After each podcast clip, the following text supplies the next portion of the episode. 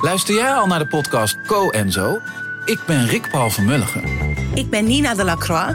En samen met jouw man René voeden wij twee kinderen op in twee huizen. Co-ouderschap. We hebben het over alles wat je daarin tegenkomt. Maar ook over de juice tijdens onze kinderloze dagen, want die heb je ook in het co-ouderschap. Een podcast voor alle ouders in alle vormen, maar ook voor alle mensen zonder kinderen. Zijn we eerlijk, heerlijk herkenbaar. Dus luister naar Co en Zo in je favoriete podcast-app.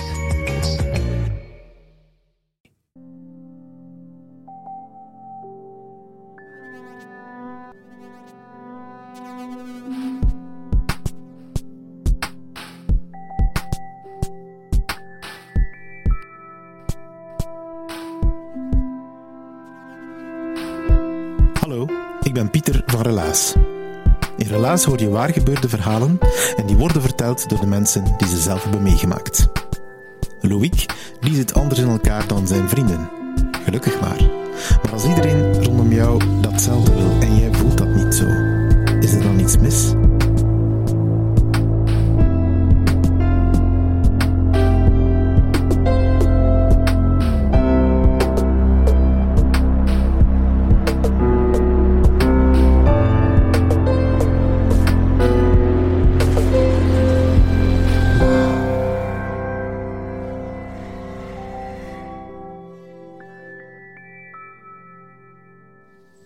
U even in.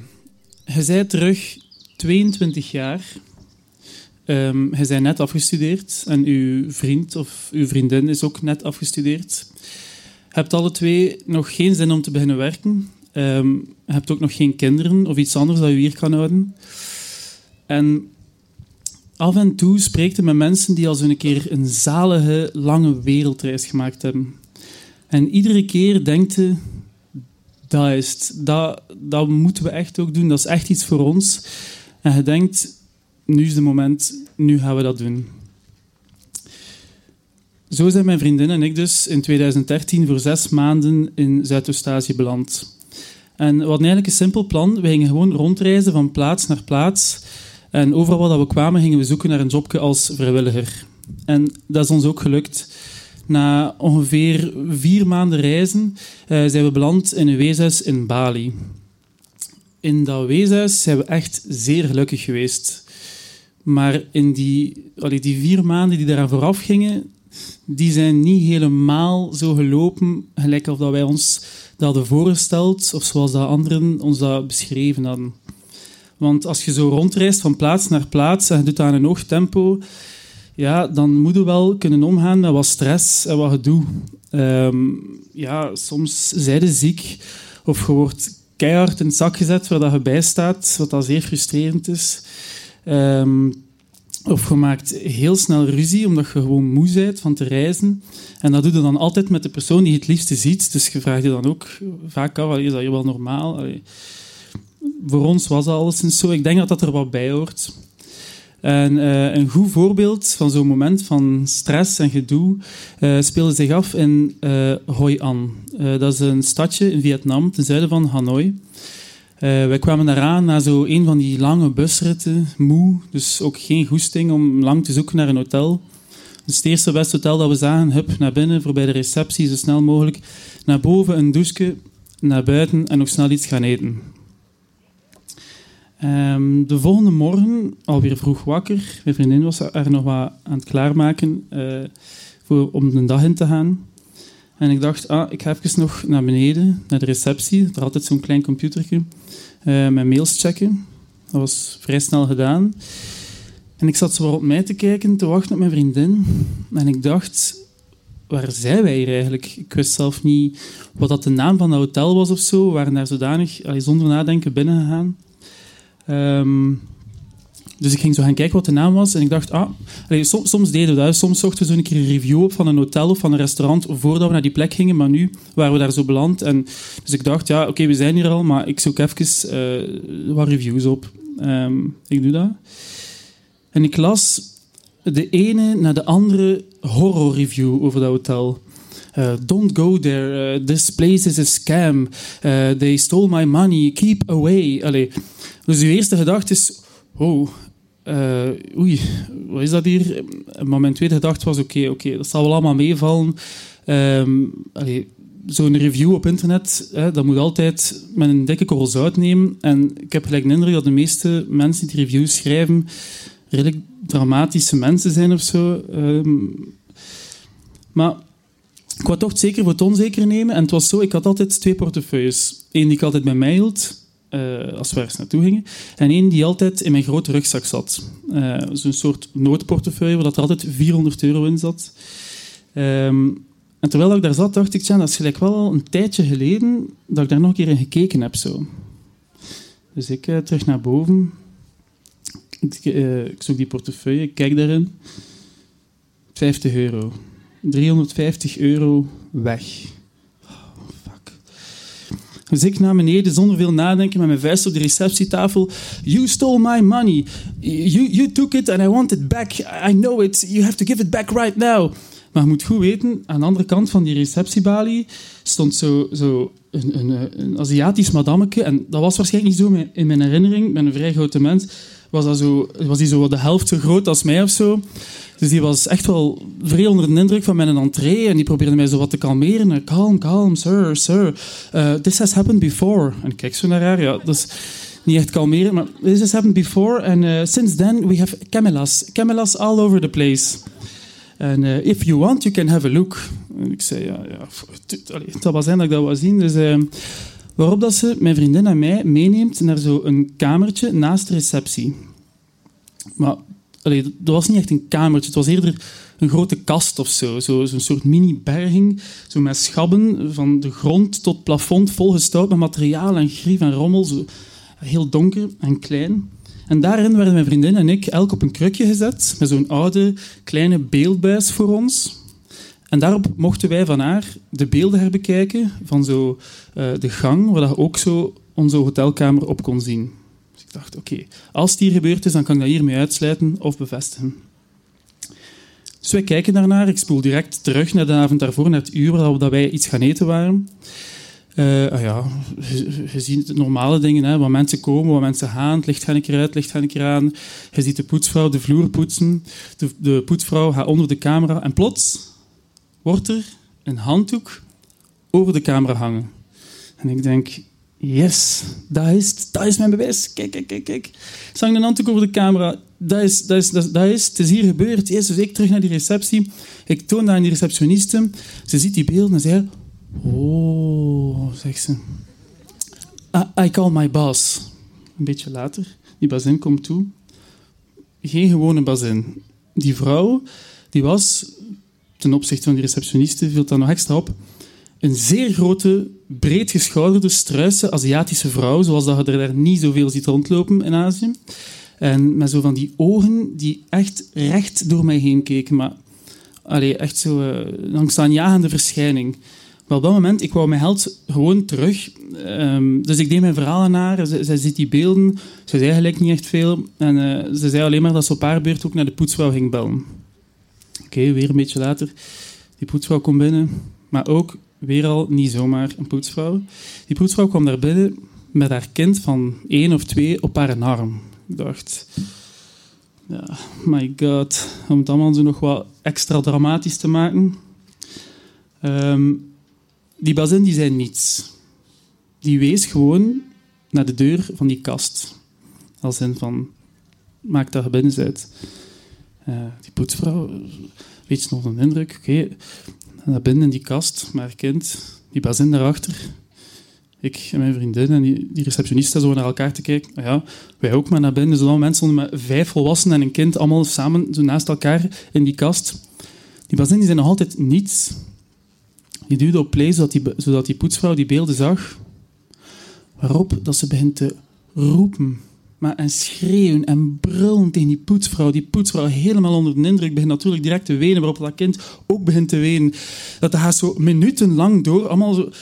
Wij, aanschouwen dat zo wat, totdat ik echt wel wat medelijden, kreeg met die poetsvrouw, dat ik wou dat dat stopte. En ik wou ook weten wat daar een uitleg was, want dat was allemaal in het Vietnamees, we begrepen daar niets van. Um, en eerlijk gezegd, de uitleg van die poetsvrouw, ik weet het al niet meer zo goed. Het was iets met Wou de kamer poetsen en ze dus weten of er nog mensen in waren. Daarom moest ze de sleutel had kijken, maar dat ze wist dat dat niet mocht. Dus dat daar om de camera overhang, uit de camera bedekt. Het sloeg al sinds nergens op. Dus uh, ik stond daar zo te kijken. Ik dacht, mhm, yes, oké. Okay. Then I call the police. En die bazin die kijkt naar mij. En die haar ogen werden zo mogelijk nog groter en nog wijdser als dat zal waren. En ze zei, I will refund you 100% of the money you lost. En ik dacht een tweede keer, yes. Ik moet je maar één keer, dat is het beste bewijs toch? Ik moet je maar één keer het woord police laten vallen en ze willen mij plots al dat geld teruggeven. Of, of geven. Um, maar op dat moment uh, trok mijn vriendin mij uit die kast. En ze zei, Louis, je kunt dat geld hier niet zomaar aanvaarden. Ten eerste, hebt al zeker... Allez, of, ten eerste zei ze, uh, je ziet die poetsvrouw niet stelen. Het enige dat je ziet, is dat, ze, dat, is dat er een handdoek of iets anders op die camera wordt gehangen. Maar je ziet het daar niet doen. Je kunt het dus niet zeker zijn. Ten tweede, je hebt al zeker tien dagen of langer niet meer in die portefeuille gekeken. Dus het kan zo in de laatste drie, vier hotels ook gebeurd zijn. Dat kun je ook niet weten. En ten derde, het ergst van al, als jij hier en nu dat geld gaat aanvaarden, dan bevestigde hij je beschuldiging ten opzichte van de poetsvrouw. En dan is hij sowieso haar een job verloren. Misschien ten onrechte. En dat kunnen niet maken. Ik dacht, ja, het heeft weer gelijk. Zat een goed punt, zat er zelfs drie. Um, maar die bazin had mij juist dat geld aangeboden. En ik wou dat, dat is confronterend voor mijzelf, want het ging gewoon over geld. En ik wou dat gelijk liever terug, want die poetsvrouw werd zo Maar ik wou dat gelijk echt niet zomaar afslaan, dat aanbod. Ah, dus ik draaide mij erom, terug in die kast, waar die nog altijd stonden. Uh, en ik zei tegen die bazin, excuse me, but um, is it possible that I think one night about it? die bazin die bekijkt mij zo voor de tweede keer, lekker als een spook zie. Think one night about it? Die begreep natuurlijk helemaal niets van. Die had mij juist een bedrag aangeboden, meer dan een zeer goed maandloon in Vietnam. En, en ik moet er nog een keer een nachtje over, over slapen, om erover na te denken dat ik het wel wil aannemen. Uh, maar we hebben dat dus gedaan en al discuterend en ruziemakend, wij terug naar onze kamer. Maar dat, we raakten er niet uit. Ik wou dat geld terug. Mijn vriendin zei dat dat echt done was. Dus ik wou een derde opinie. En ik weet nog goed, ik dacht, mijn pa. Ik belde mijn pa via Skype, het was zo een van die, je kent dat wel allemaal, zeer vervelende uh, Skype-gesprekken dat maar niet willen lukken. Als, als, als jij iets zegt, zegt hij net iets en omgekeerd. En, en uh, je zit heel door elkaar te praten. En ik zei, wat zei ik? nog een keer herhalen. uiteindelijk is me dat dan toch gelukt. Um, ben er geslaagd om dat verhaal uit te leggen aan mijn pa. En ik weet nog goed, zo tussen... Want zijn antwoord verstond ik al helemaal niet. Hè. Wat zei hij? Sorry, ik kan nog een keer herhalen, begrijp het niet. Maar dan zo tussen dat geruis en dat gekraak door, hoor ik zo mijn vader zeggen... Geld nemen en wegwezen. Dus, dus, dus, ja, nu, nu kan ik er ook wel om lachen, maar op het moment zelf heeft mij natuurlijk niet geholpen. Mijn vriendin zei A, mijn pa zei B. En dan, wat, moet, wat moet ik nu doen? Ja, dus, ja. ja, maar de volgende morgen, allee, het was duidelijk, mijn vriendin... Allee, het was het geld niet aannemen of ze ging te vliegen terugnemen naar België. Dus we, we, dachten wel nog, okay, we moeten hier toch één ding doen om zo te tonen dat we echt kwaad zijn. Dus we hebben dan zo dat mini, mini frigootje, zo gewoon leeggehaald, zo'n cola en, en uh, twee snickers of zo snel nog zo in onze zak om zo'n statement te maken. En dan zo kwaad mogelijk kijken voorbij de receptie zo. En vlak voordat we uit die deur wilden stappen, roept die receptionisten ons nog één keer terug. Excuse me, Excuse me, zei ze. We draaien ons zo Just so you know, the cleaning lady, she no work here anymore. Ik zeg, dat is niet waar, man. Daar stond ik dan dus. Ik, zonder mijn geld, die poetsvrouw, zonder haar job. Dus dat is zo'n beetje wat ik mijn verhaal mee begonnen ben. Ik denk dat je daar echt een beetje moet tegen kunnen als je zo rondreist, zo tegen, uh, tegen ja, wat stress en wat gedoe, en dat je daar wat veerkracht in moet hebben. Misschien dat wij dat niet hadden of te weinig hadden, en ik vind dat nog altijd vervelend om toe te geven, maar zo die dagen uh, in, het, in het weeshuis, die wat gestructureerd waren, die een beetje voorspelbaar waren, dat er een zeker ritme is dat, daar voelden wij ons eigenlijk veel gelukkiger uh, dan, uh, dan die dagen waar dat we zo echt aan een hoog tempo aan het reizen waren. Um, en ja, misschien waren we toch niet die echte reizigers die dat we zo graag wouden zijn of dachten te zijn. Maar ik weet nog goed, de avond dat we uiteindelijk na die zes maanden terug thuis kwamen in ons appartementje hier in Gent, en de deur achter ons dicht en zo de, geur van onze, van onze eigen living opsnoven, dan, uh, dan waren we eigenlijk gewoon doodblij. Merci.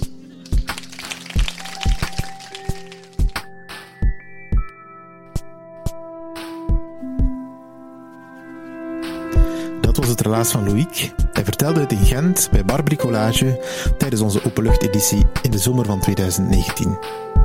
Tekenares Julie van Wezenmaal van Pulp Deluxe die maakte daar een wijze tekening bij. Je kan die zien op onze website. Can you handle traveling staat erbij. En ik voelde alvast heel veel begrip. Maar geef toe, reizen, toch een gedoe hè? Dankjewel, Stad Gent en de Vlaamse gemeenschap voor jullie steun voor Helaas. Onze partners zijn Chase, Pulp Deluxe, Urgent FM, Den Hopzak en Huset. Helaas is een groep vrijwilligers die deze vertelavonden organiseert en de podcast week na week voor jou maakt. Een van die vrijwilligers is Evita. Zij begeleidt mee onze vertellers tot ze klaar zijn om hun verhaal op het podium te brengen. En als dat nog niet genoeg is, ze staat ook in voor de opnames op de vertelavonden in Antwerpen.